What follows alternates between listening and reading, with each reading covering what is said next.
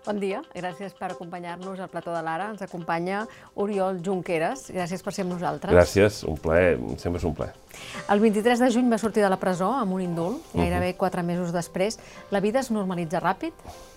La, la, la vida es normalitza molt de pressa, eh, adaptar-te a les coses que són bones és molt senzill i al cap de pocs minuts d'estar fora de la presó ja sembla que no hi hagis estat mai. No, no, no pesa la presó, no pesa en, en, en l'ànim, no pesa en la consciència. Hi ha tantes coses a fer eh, que senzillament et poses a fer-les i la presó desapareix, és com si no hi hagués existit mai. I, i llavors eh, has de pensar-hi, has de fer un esforç per, uh, per recordar, ah, sí, passava això o feia allò, però si no, el dia a dia et porta uh, i el dia a dia és molt reconfortant i molt alliberador en tots els sentits perquè et sents molt útil i perquè sobretot et sents molt estimat. Ahir a l'Autònoma va fer una xerrada davant de molts estudiants en la qual els hi va dir que la història de la humanitat és una lluita entre la por i l'esperança. Què li fa por a vostè? Ah em fa por que la gent perdi l'esperança. Uh, la, la, la història de la humanitat es pot resumir de moltes maneres, es pot intentar explicar de moltes maneres. Una d'elles és aquesta lluita entre la por i l'esperança i entendre que aquells que manen, aquells que tenen poder de debò, uh, tenen molts incentius a sembrar por, a escampar la por, perquè la por paralitza uh, les aspiracions, les ànsies de millora, de llibertat, de justícia, eh, de la majoria de la gent. I per tant, mentre que els poderosos molt sovint sembren por, nosaltres estem obligats a cultivar l'esperança, eh, perquè l'esperança té un gran poder de transformació. I intentava posar-los algun exemple de com en algun context històric en el qual hi havia moltes raons per tenir por, eh, l'esperança va triomfar. I els hi deia que molt sovint l'esperança neix en el cor i en les ànimes de les persones, i que aquesta esperança és capaç d'imposar-se, és capaç de triomfar sobre la por de les circumstàncies materials. Vaig intentar posar-los alguns exemples d'aquest tipus, jo crec que, que els hi va agradar molt, Uh, L'aula, afortunadament, era molt plena i això sempre és un símptoma de reconeixement. Hi havia tantíssima gent que no hi cabia, que escoltaven la classe des de fora de l'aula, a través de les finestres. Uh, jo crec que va anar molt bé i que sempre és un bon exercici. Vostè és un professor vocacional. Com porta no poder tornar a la universitat de manera remunerada, diguéssim, fins l'any 2031? Uh, doncs amb una certa enyorança, perquè realment m'agrada molt fer classes, sempre m'ha agradat molt, ho he, ho he gaudit molt, he sigut molt feliç fent classes, he sigut molt feliç aprenent coses i ensenyant coses, uh, aprens sempre, quan ensenyes també aprens, uh, i, i quan aprens et sents obligat a ensenyar, tens aquesta necessitat, aquesta ànsia, aquesta vocació d'ensenyar. Certament, la sentència del Suprem eh, comporta una inhabilitació absoluta de 13 anys, això vol dir que durant 13 anys no em deixen fer classes a, a la universitat. Jo crec que també és un símptoma de la por eh, que deu tenir aquells que apliquen aquesta sentència, la por que deu tenir eh, la, el Suprem, eh, que necessita allunyar gent com nosaltres de la universitat, de les classes, de la gent jove, però també està bé recordar que som capaços, evidentment, d'anar a la universitat i d'explicar-nos, i d'explicar-nos de manera tan exitosa com sens dubte vam fer ahir. Deixi'm mirar enrere abans de mirar endavant. El 27 d'octubre de 2017 no es va mobilitzar la gent per por a conseqüències violentes o per impossibilitat manifesta?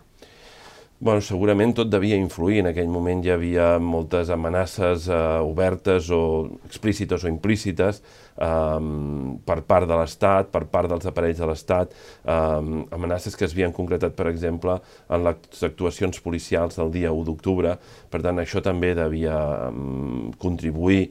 Uh, segurament no, no, no havíem estat capaços de construir prou complicitats per afrontar una reacció tan dura per part de l'Estat, és a dir, jo crec que havíem fet molt bé la feina per afrontar moltes reaccions per part de l'Estat, no una reacció tan dura, Um, i, i, I això el que demostra és que hem d'estar més preparats, que hem de ser més, que hem de ser més forts, que hem de teixir més complicitats i més aliances, perquè la propera vegada que tinguem un embat democràtic amb l'estat espanyol, uh, en aquest embat democràtic siguin molts més aquells que ens ajuden, tant a dins de la nostra societat, en, en el món del treball, en el món de l'empresa, en el món de la cultura, en el món de les universitats, um, que potser no, no, no es van mobilitzar tant com alguns de nosaltres, sens dubte, hauríem desitjat, però també fora de la nostra societat, en la comunitat internacional, i d'aquí també aquesta, aquesta voluntat de col·laborar amb la comunitat internacional en allò que la comunitat internacional en aquests moments ens ofereix, que sobretot ajuda en la lluita antirepressiva i ajuda en el procés de negociació. A la presó va entrar-hi independentista i en surt independentista, va entrar-hi partidari del referèndum unilateral i de la declaració d'independència. Com n'ha sortit?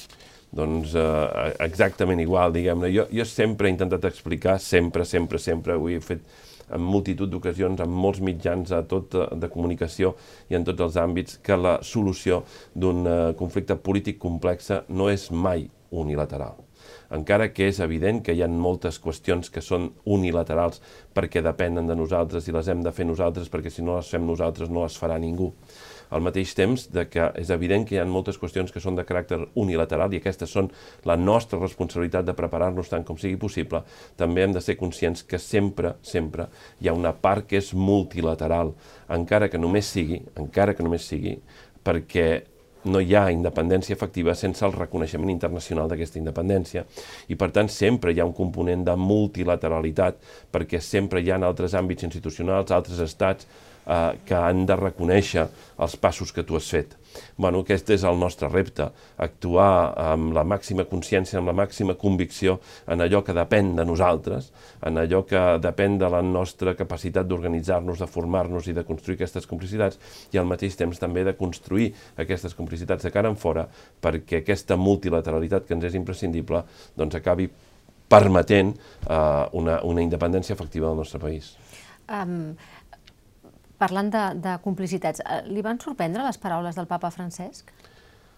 Uh, les, les, jo crec que tenim molts motius per celebrar-les. Uh, no, no sé fins a quin punt ens van sorprendre, jo entenc que, que en, en part sí, en el sentit de que no són habituals i precisament perquè no són habituals, quan es produeixen tenim molts motius per celebrar-les.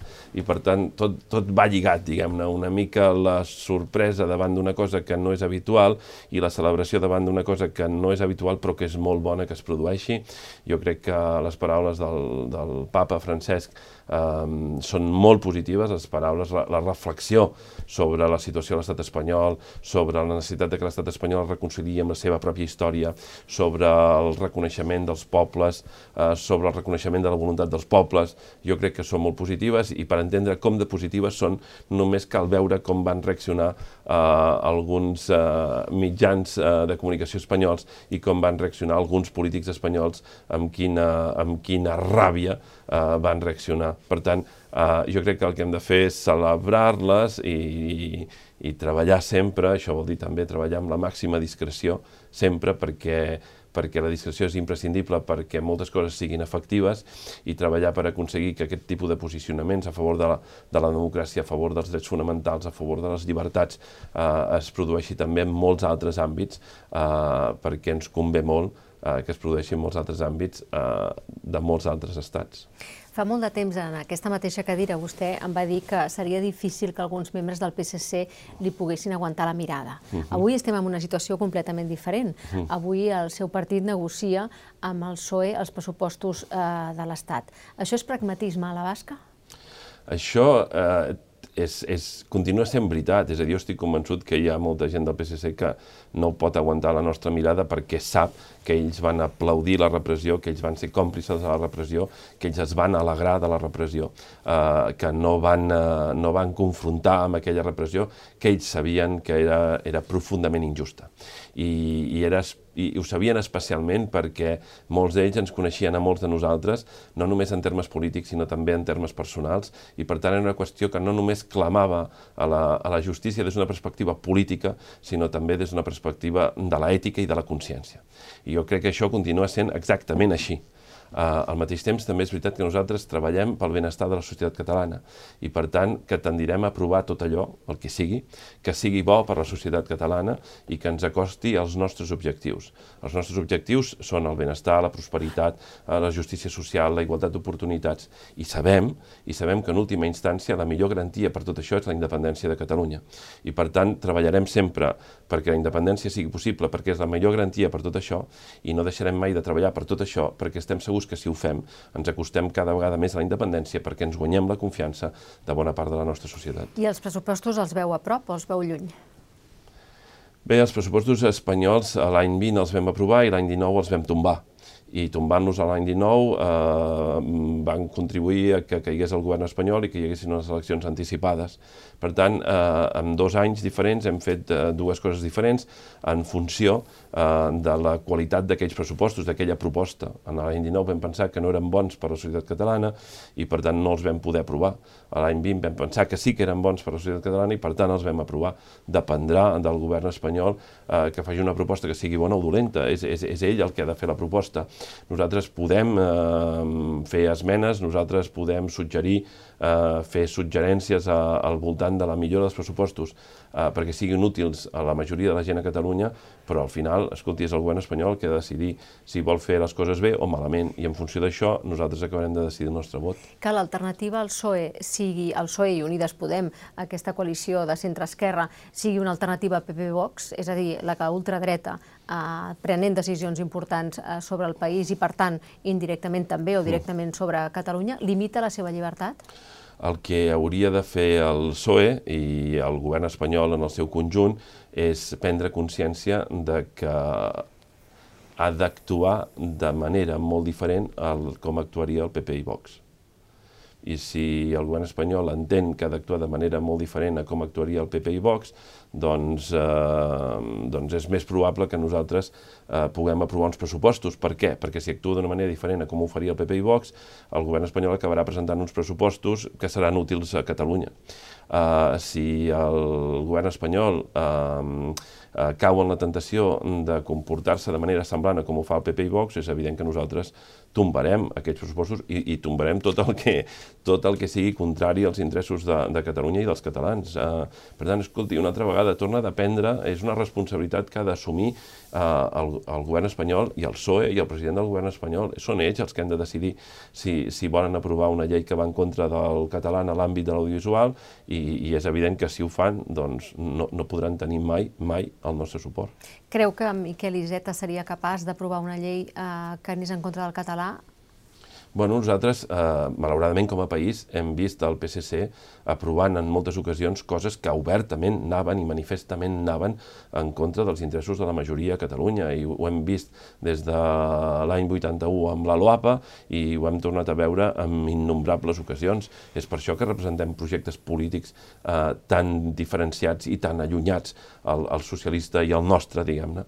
Eh, jo eh, vull confiar que la societat catalana també sabrà fer prou pressió i que nosaltres farem prou pressió com per fer-li entendre al PSOE que no pot seguir actuant en matèria audiovisual, en matèria cultural i en matèria lingüística tal com ho faria el PP i Vox. Descarta completament que el govern eh, català s'entengui amb el PSC per aprovar els pressupostos? Nosaltres eh, tenim una majoria parlamentària a Catalunya, una majoria que va permetre la investidura del president Pere Aragonès, tenim una majoria sustentada en un acord de legislatura amb la CUP i també amb Junts, i la nostra aposta és mantenir aquesta majoria parlamentària. La nostra aposta és majoria, mantenir una majoria parlamentària que reflexi aquest més del 50% de vots independentistes que es van produir en les últimes eleccions al Parlament de Catalunya. Per tant, nosaltres treballem constantment per fer possible el manteniment d'aquest d'aquesta aliança, eh, d'aquesta majoria parlamentària de la investidura. Volem que sigui la majoria eh, també parlamentària dels pressupostos, que sigui una majoria parlamentària pressupostària. Eh, Uh, és possible que hi hagi alguns sectors en cada una d'aquelles formacions, de Junts o de la CUP, que, que prefereixin un no acord, però és evident que Esquerra Republicana en bloc prefereix un acord pressupostari amb Junts per Catalunya i amb la CUP. I espero que uh, la majoria uh, dins de, de Junts per Catalunya i la majoria dins de la CUP treballin en la mateixa direcció.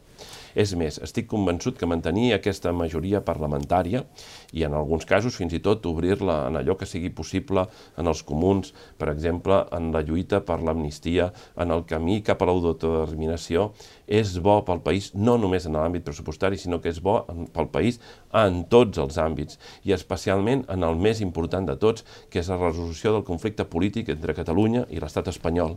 És evident que uns pressupostos aprovats amb el PSC són uns pressupostos que comporten una majoria parlamentària que no està compromesa, que no estaria compromesa en aquest cas perquè hi hauria el PSC, en una resolució efectiva d'aquest eh, conflicte polític en termes d'amnistia i d'autodeterminació, perquè el que constantment ens arriba per part del Partit Socialista i el que constantment ens arriba per part del govern espanyol a nosaltres i a tota la societat catalana és que ells no comparteixen aquesta solució. Per això els, els hem obligat a seure en una taula de negociació i per això estem convençuts que hem de tenir la força necessària per fer irreversible allò que ells no volen fer, que és l'amnistia, i l'autodeterminació. Ara anem a la taula de negociació. Només dir-li que la senyora Eulàlia Raguant, la diputada Raguant, ha dit que està lluny de poder aprovar els pressupostos de la Generalitat. És una qüestió de negociar, doncs?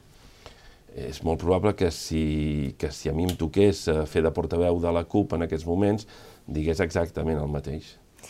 Per què Esquerra... Però això és, forma part de, de qualsevol procés de negociació i no dubto que, a més a més, eh, ho diuen amb convicció, és a dir, segur que, que deuen pensar que hi ha moltes coses que els allunyen d'aquesta possibilitat i segur que tots tenim el deure de treballar perquè, perquè no se'n sentin lluny d'aquesta possibilitat, perquè nosaltres estem segurs que aquesta possibilitat, que aquesta majoria parlamentària és la millor per tirar endavant el país. I, per tant, jo, jo entenc i respecto la, la posició de tothom, evidentment també de la diputada Eulàlia Raguant, i al mateix temps clamo a la responsabilitat de tots, eh, els, a tota la, totes les persones que estan en el Parlament i que estan en el govern i que, i que tenen responsabilitats en aquest àmbit per fer possible allò que és bo per Catalunya.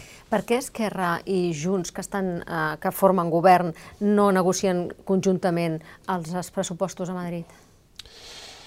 Ah, nosaltres estem disposats a, a sempre a treballar al costat de tothom i, i, i, i començant per les coses que són més importants. I ens sembla que tindria molt poc sentit eh, que algú es posi a negociar una partida pressupostària, que és evidentment una qüestió menor, quan no s'asseu a la taula de negociació per resoldre la qüestió major.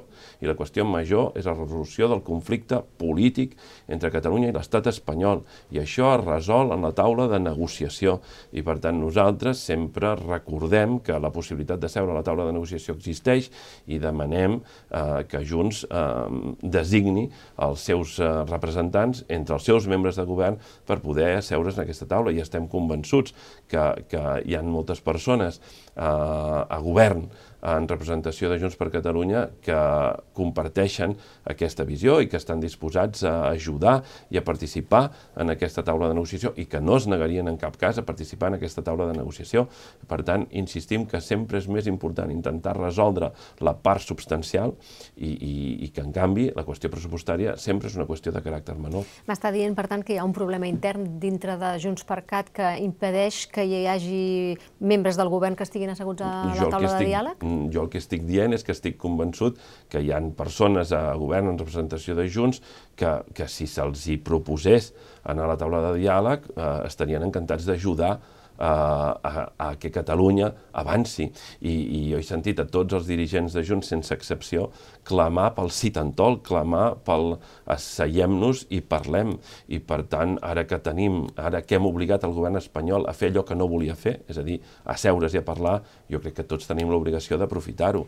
És paradoxal que aquells que no s'hi volien asseure eh, haguem els haguem obligat a seure-s'hi i que aquells que s'hi volien asseure, ara que tenen l'oportunitat de seure, no ho facin. Bueno, que, que cadascú gestioni les, les seves paradoxes. David... Però, però si ens podem ajudar, nosaltres sempre estarem encantats d'ajudar-los a, a, a afrontar els grans reptes que té plantejats el país. I insisteixo, el repte més important és el repte de la independència de Catalunya, el repte més important és el repte de com construir una república catalana, i això es fa a través d'un referèndum d'autodeterminació, i això és el que hem de plantejar sense, sense embuts de cap mena, hem de contrastar sense embuts de cap mena en la taula de negociació. I molt sovint la millor manera de contrastar i la millor manera de confrontar i la millor de les confrontacions i la confrontació més útil és aquella que posa en un compromís major l'interlocutor, en aquest cas aquell que, aquella que posa en un, en un compromís major en el govern espanyol. Per tant, la millor manera de confrontar en aquest moment amb el govern espanyol, perquè és el lloc on és observat per part de la comunitat internacional, és precisament en la taula de negociació. Per això hem de confrontar allà i no hem de tenir cap por de confrontar les nostres idees, perquè nosaltres sí que estem convençuts de la molta raó que assisteix a les nostres idees, a les nostres posicions, de la molta raó eh, que hi ha en allò que nosaltres defensem i per això ens sentim de, capaços de defensar-ho sempre i a tot arreu. Que no hi hagi representats els dos partits de govern debilita la posició de la Generalitat en la negociació? Sens, sens dubte, un govern és tan més fort com més àmplies són les majories parlamentàries que el sustenten. Això també em sembla que és evident. I per això nosaltres treballem sempre incessantment eh, per reforçar i per donar continuïtat a aquesta majoria que va permetre la investidura del president aragonès i convertir aquesta majoria, que també té un compromís a través d'un pacte de legislatura, de convertir-la també en una majoria pressupostària eh, i de convertir-la sempre en una majoria el més àmplia possible, perquè nosaltres treballem per la màxima unitat d'acció del conjunt de l'independentisme eh, l'expresident Puigdemont eh, va dir des de, des de Waterloo que no volia que es negociés per ell la seva sortida de la situació eh, del seu exili. Això està previst fer-ho, la taula de diàleg? No estava previst eh, negociar la qüestió individual de ningú, diguem-ne, jo, jo entenc perfectament eh, i, i puc compartir, igual que jo no, no, no volia que ningú negociés en res en termes particulars, diguem-ne, tampoc respecte a nosaltres, i que sempre hem insistit eh, que el que està per davant és la resolució del conflicte polític general.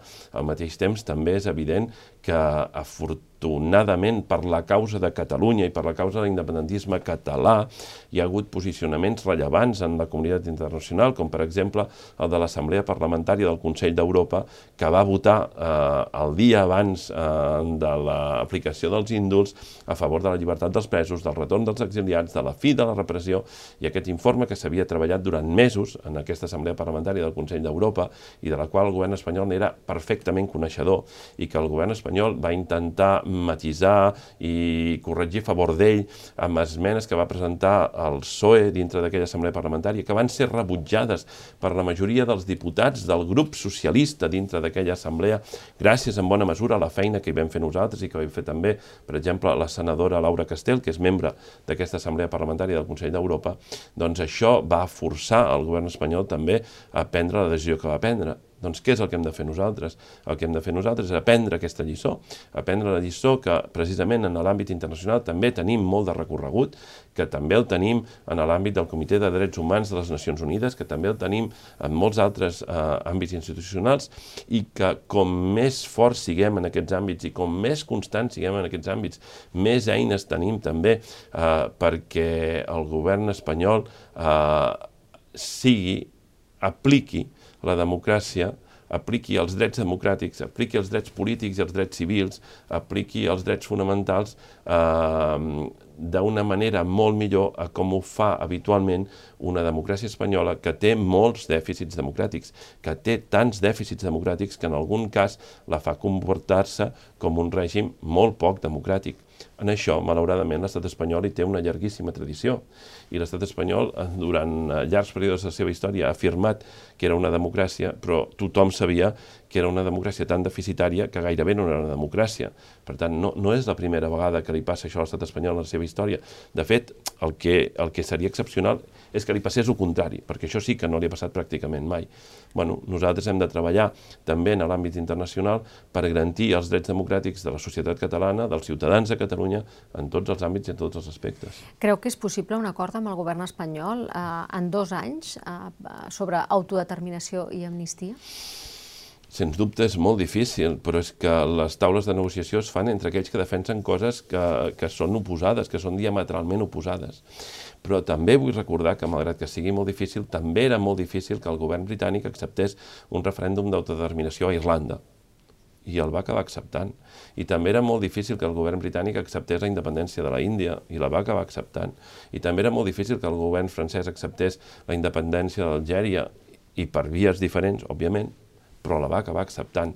I que, per tant, en la història del món hi ha molts casos en què hi ha hagut molts governs que han dit que mai acceptarien una determinada cosa i després la força de la democràcia, afortunadament, ha obligat a canviar aquella posició. L'estat espanyol ha dit innombrables vegades que no acceptaria la independència de molts països del món que ara són països plenament reconeguts. N'està farcit. De fet, segurament eh, l'estat espanyol és l'estat del qual s'han separat més estats del món o un dels que més se n'han separat. És a dir, l'estat espanyol deu tenir el rècord de països que s'han independitzat de l'estat espanyol. Per tant, i, i sempre la resposta de l'estat espanyol era sempre la mateixa, que mai ho acceptaria, que mai ho reconeixeria, que allò era impossible, etc etc. Bueno, escolti, ara diuen el mateix, a nosaltres ens toca fer-ho possible. I, I per això treballem com treballem. Esquerra està coordinant les properes eleccions municipals, o com a mínim s'està ocupant de les eleccions municipals. Quin és l'objectiu del partit per aquests comicis? Doncs, aconseguir ser més i ser més forts en tots els àmbits, també en l'àmbit municipal. Això es pot aplicar en l'àmbit eh, del món del treball, del món de l'empresa, del món de la cultura, en tots els àmbits, però també en l'àmbit municipal. I és molt difícil que nosaltres puguem tenir èxit en el nostre projecte independentista, en el projecte de convertir Catalunya en un país independent, d'una república catalana independent, si eh, l'independentisme no està representat en el govern de les ciutats més poblades del país, si no està representat a Barcelona, a Hospitalet, o Badalona, o a Sabadell, eh, clar, és molt difícil. Per tant, quin és uh, un dels nostres objectius en aquestes eleccions municipals? Doncs reforçar la presència de l'independentisme i aconseguir, per exemple, que la presidència de la Diputació de Barcelona no estigui en mans del Partit Socialista. I, per tant, no entenem per què Junts per Catalunya va regalar la presidència de la Diputació de Barcelona al Partit Socialista, perquè ens sembla que això clarament va en contra de, del camí cap a la independència del nostre país. Per tant, què haurem de fer en les eleccions municipals? Reforçar la, la força de l'independentisme en tots els àmbits, també en l'àmbit metropolità, també a la ciutat de Barcelona, també a l'Hospitalet, també a Badalona, també a Sabadell, també a tot arreu, també en els Consells Comarcals, també a la Diputació de Barcelona, i nosaltres en aquest sentit hem de ser garantia de que totes aquestes institucions estiguin encapçalades per un independentisme per exemple, com l'Ernest Maragall o com, per exemple, en el cas de la Diputació de Barcelona hauria sigut el Dionís Guiteres, per posar un exemple. Bueno, esperem que el conjunt de l'independentisme ho entengui i vulgui actuar en el mateix sentit en què sempre ho fem nosaltres i que sempre ho hem fet nosaltres. Per tant, aquest és el nostre objectiu a les eleccions municipals. Uh, parla vostè de, de Junts per Catalunya i penso que, que eh, pensa vostè que, que Junts és un soci fiable per Esquerra i li diré que Esquerra és un soci fiable per Junts? A em sembla que l'obligació que tenim és ser socis fiables pel poble de Catalunya, per la societat catalana, i malauradament eh, durant moltes dècades hi ha hagut una forta vocació cap a la sociovergència. I, i els pactes entre el món socialista i el món eh, convergent han sigut constants, constants a tot arreu i han tendit a repartir-se al país. I això ha fet molt de mal a Catalunya, molt de mal perquè ha tendit a separar una part de Catalunya dels seus àmbits metropolitans i a separar la capital de la Catalunya del país. I això és un, un luxe que cap país del món es pot permetre. No, no hauria d'haver-hi una força política que cregui en un projecte nacional ple i complet i que vulgui separar la capital del país del país i el país de la seva capital. I, i nosaltres volem representar un projecte polític que sigui equilibrat respecte a la representació territorial. Nosaltres ens sentim molt orgullosos de ser un projecte polític que té una enorme força en el conjunt dels àmbits més rurals del país i dels àmbits més metropolitans del país. Um, jo em sembla que aquest és el, el compromís que hem de tenir. Per tant, com que la, la sociovergència ha sigut molt còmoda pels poderosos, és normal que els poderosos l'enyorin i és normal que els poderosos intentin implementar-la tot arreu on poden. I per això hi ha tantes pressions dels poderosos de sempre, dels que hem manat sempre, per mantenir-la, com passa a la Diputació de Barcelona o com passa a l'Ajuntament de Sabadell. Bueno, el nostre repte és justament el contrari. El nostre repte és el d'acostar aquestes institucions, el d'una majoria a una majoria a Catalunya, que és una majoria clarament independentista des del nostre punt de vista, i per tant no podem compartir de cap manera que institucions tan importants es regalin sistemàticament al Partit Socialista. Vostè ha sigut conseller d'Economia, Catalunya està en un moment eh, clau després de, del coronavirus.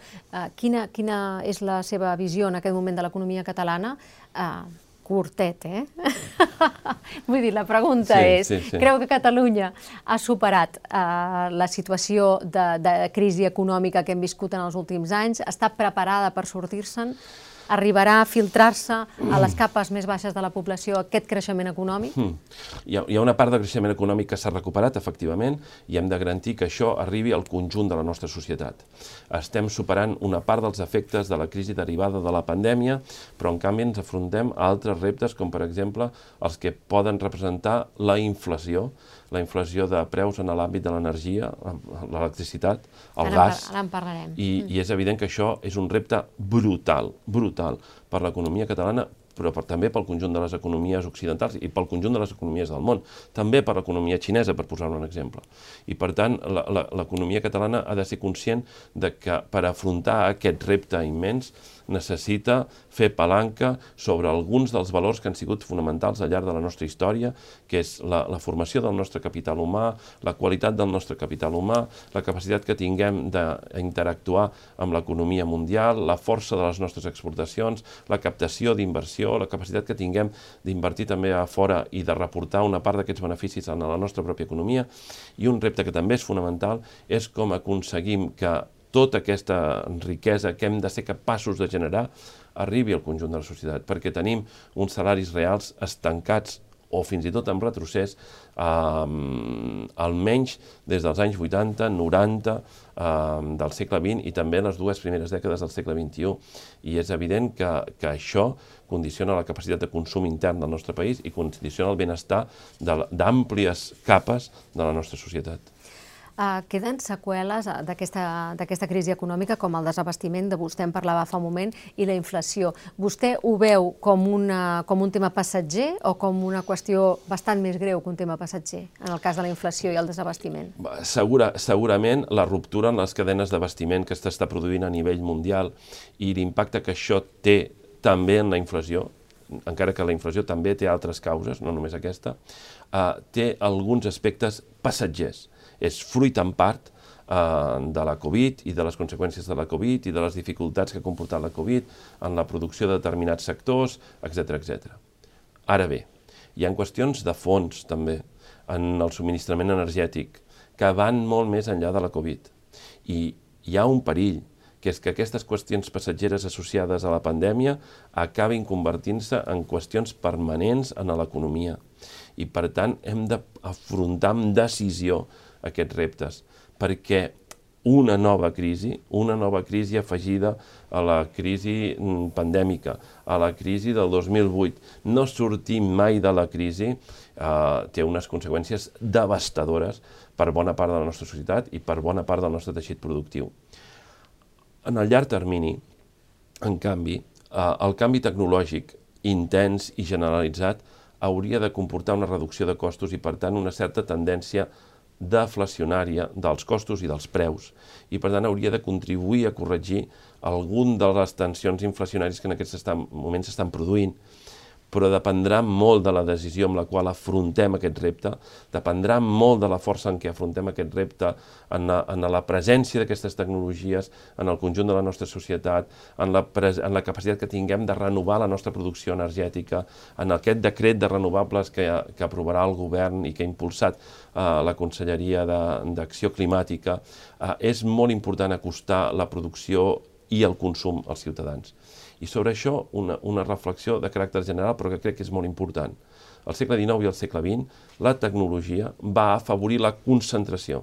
La concentració de la producció energètica amb centrals hidroelèctriques, grans preses, amb centrals nuclears o amb centrals de cicle combinat. La tecnologia va afavorir la concentració en grans nuclis urbans.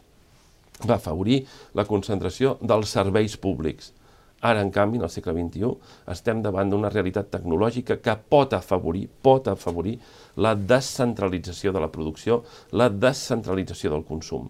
Si nosaltres som capaços de pujar sobre aquest cavall, sobre el cavall d'aquest canvi tecnològic que pot afavorir aquesta descentralització de la producció i del consum, nosaltres podem contribuir a construir una societat molt més equilibrada, o que fixi la població sobre el territori, que dongui vida en les comarques més rurals del país, que fixi la població en els municipis que s'estan despoblant, que permeti descentralitzar els serveis públics i acostar-los a la gent i acostar-los a tot el territori, que permeti utilitzar les energies renovables com un element que complementi, per exemple, la renda agrària.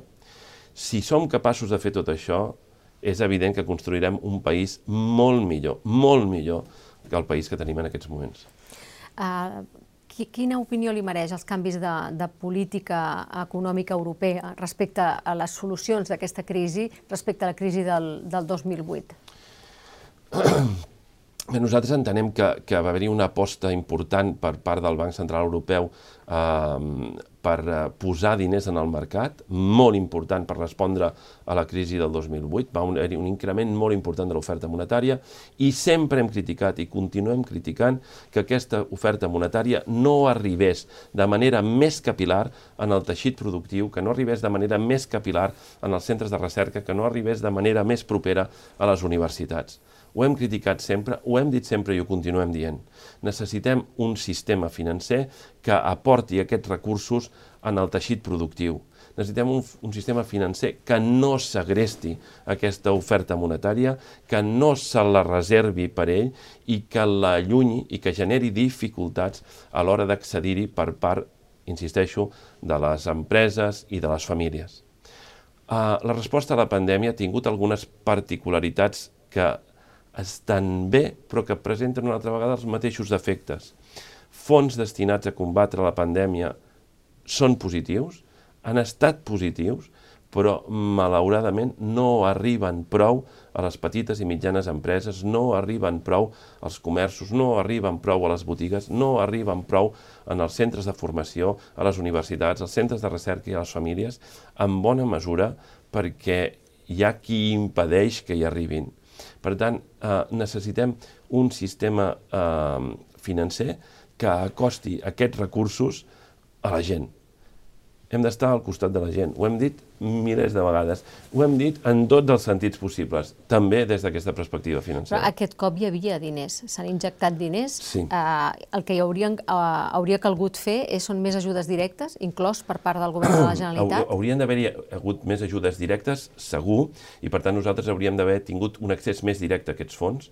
Haurien d'haver-hi també hagut més facilitats a l'accés al crèdit, perquè eh, el Banc Central Europeu posava recursos, la Comissió Europea posava recursos perquè arribessin a les empreses petites i mitjanes i no sempre arriben, i després perquè hi ha un altre sistema pervers, profundament pervers, que ataca el, en el sistema productiu del nostre país, que ataca a les empreses petites i mitjanes, que és el fet de que algunes grans empreses, moltes grans empreses, eh, cobren a molt curt termini, cobren en menys de 60 dies, però acaben pagant a més de 200 dies o a vegades a més de 300 dies.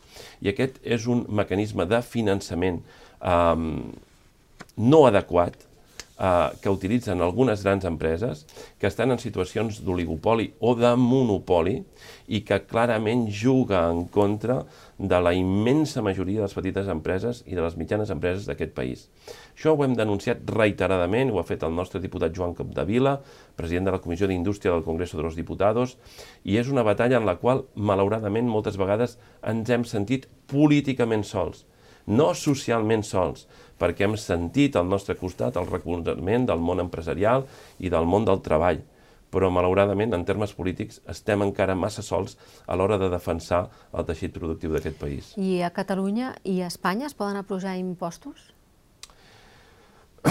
segurament el que sí que es pot fer és utilitzar a les figures fiscals com un mecanisme de correcció d'algunes desviacions de caràcter ambiental o d'algunes desviacions de caràcter de salut. Jo mateix recordo quan des de la Conselleria d'Economia, també amb l'actual president Pere Aragonès i molts d'altres, vam impulsar algunes mesures de caràcter fiscal i jo tenia l'ocasió d'explicar que l'objectiu d'aquelles mesures de fiscals era cobrar zero. I hi havia qui feia veure que no mantenia. L'objectiu d'aquelles mesures de caràcter fiscal no era recaptar més diners en alguns casos, sinó aconseguir que les empreses modifiquessin el seu comportament per protegir més la salut de les persones i per protegir més el medi ambient. En alguns casos, aquestes figures van tenir un èxit aclaparant, un èxit total. I ho hem vist en algunes qüestions vinculades a la salut, per, exemple, el, els sucres afegits, o ho hem vist en algunes qüestions de caràcter ambiental. Jo crec que la fiscalitat també es pot utilitzar en aquest sentit. I com que es pot utilitzar en aquest sentit, i aquest és un sentit que clarament és afavoridor de la salut de la gent, és afavoridor del medi ambient, i per tant això acaba tenint conseqüències molt positives, també en termes pressupostaris a llarg termini perquè tot allò que ens estalviem en, uh, en malalties o tot allò que ens estalviem derivades de, de, de consums inadequats o derivades d'alteracions de, inadequades del medi ambient, acaba tenint una, un benefici econòmic molt clar. Per tant, jo crec que en això eh, el conjunt de la societat ens hi hauria d'acompanyar. I també el món empresarial ho ha d'entendre, i el món del treball, i tothom ho ha d'entendre, és més, no només ho ha d'entendre, sinó que ens hi ha d'ajudar. I estaria d'acord amb harmonitzar impostos? Eh, si el govern espanyol eh, llancés la idea d'harmonitzar impostos entre les comunitats autònomes per evitar aquesta competència deslleial que hi ha en, algun, en alguns temes, com per exemple patrimoni, eh, en Madrid? Bueno, nosaltres eh, som partidaris d'una harmonització fiscal en termes europeus i creiem que ha d'haver-hi una fiscalitat europea. Eh, una fiscalitat europea que impedeixi el dumping entre estats. Eh, el dumping està formalment prohibit, és a dir, eh, produir eh, o vendre sota cost està prohibit perquè ho utilitzen algunes grans empreses per eliminar del mercat en els seus competidors més petits. Per això està prohibit. I nosaltres ens ho hem de creure, no podem permetre, no hem de permetre que algunes grans empreses abusin de la seva posició en el mercat per expulsar-ne a les petites i mitjanes empreses que competeixen. Aquest mateix argument el podem fer servir en termes públics. No es pot permetre que hi hagin determinats àmbits institucionals que apliquin un dumping fiscal perquè es beneficien d'altres tipus d'ingressos, per exemple, dels pressupostos generals de l'Estat per fer una competència deslleial contra els altres territoris que no tenen aquest benefici, que no tenen aquest avantatge. Els, eh, en els pressupostos generals de l'Estat les inversions que es fan a l'estació d'Atocha no computen com inversions fetes eh, a la Comunitat Autònoma de Madrid. És evident que això no té cap sentit. I per tant, nosaltres defensem una fiscalitat també en termes europeus. I estem convençuts que els estats no han d'utilitzar aquestes eines per competir els uns contra els altres, perquè això només beneficia els molt grans i perjudica a la immensa majoria. Per tant, eh, també treballarem en aquest sentit. Fa 10 anys que vostè va ser escollit president d'Esquerra. Uh, S'hi tornarà a presentar? Tornarà? Continuarà? Més enllà de la reforma dels estatuts? Uh, jo, jo em sento molt honorat, uh, em sento molt, uh, molt uh, estimat, uh, em sento molt útil i, i per tant sempre intentaré ser el més útil possible a tot arreu. Uh, I em sembla, em sembla que, que dins de, de, de, de, de l'organització que tinc la, la sort i l'honor de, de, de presidir en aquests moments, al costat de la Marta Rovira, jo crec que, que hi ha molta gent que comparteix aquesta, aquesta visió. I quin és el seu paper exactament a Esquerra en ajudar, aquesta bicefàlia ajudar, ajudar tipus, tipus PNB? Bueno, en Pere Aragonès, vull dir. Sí, no, ajudar sempre i a tot arreu, diguem-ne. Jo, jo em sembla que està molt clar eh, que el president Aragonès és, és la màxima figura institucional d'aquest país i tindrà sempre la meva lleialtat i tot el meu suport, eh, que ell és el màxim responsable de l'acció de govern i en aquest sentit estic segur que hi ha molts aspectes de l'acció de govern eh, que s'estan fent molt i molt bé i que seran molt exitosos. Estic convençut que un d'ells és aquest eh, decret eh, d'energies renovables. Tenim un repte immens al davant. Eh, Um, I al mateix temps també estic convençut que des de, des de la formació política, des del partit polític, tenim la possibilitat d'interlocutar amb molts agents econòmics, socials, amb agents polítics, amb agents culturals, amb agents universitaris, etc etc i que la nostra, la nostra feina és d'intentar construir, tant com sigui possible, grans projectes compartits pel conjunt del nostre país i pel conjunt de la nostra societat. Senyor Junqueras, una última pregunta i moltíssimes gràcies per, per haver doncs, donat aquesta gairebé hora d'entrevista. Uh, no se m'ha escapat l'atac de riure que li he agafat quan li he preguntat si li havien semblat interessants les paraules de, del papa Francesc. Ja em van semblar molt interessants. Té vostè alguna cosa a veure diplomàticament? No, no, no. Jo, jo, pobre de mi, tinc poques coses a veure amb gairebé res, um, i menys en coses tan importants com aquesta. Però, en tot cas, jo crec que hem, hem de celebrar sempre, sempre, sempre, sempre um, que, que la nostra visió de, dels fets, el nostre compromís amb la democràcia i amb els drets fonamentals, doncs sigui compartida per, per persones tan rellevants, per personalitats tan rellevants com el papa Francesc, o dit al revés, és una sort que, que, que les nostres coincideixin amb les d'una persona tan rellevant com el papa Francesc. Gràcies. Fins aviat. Gràcies.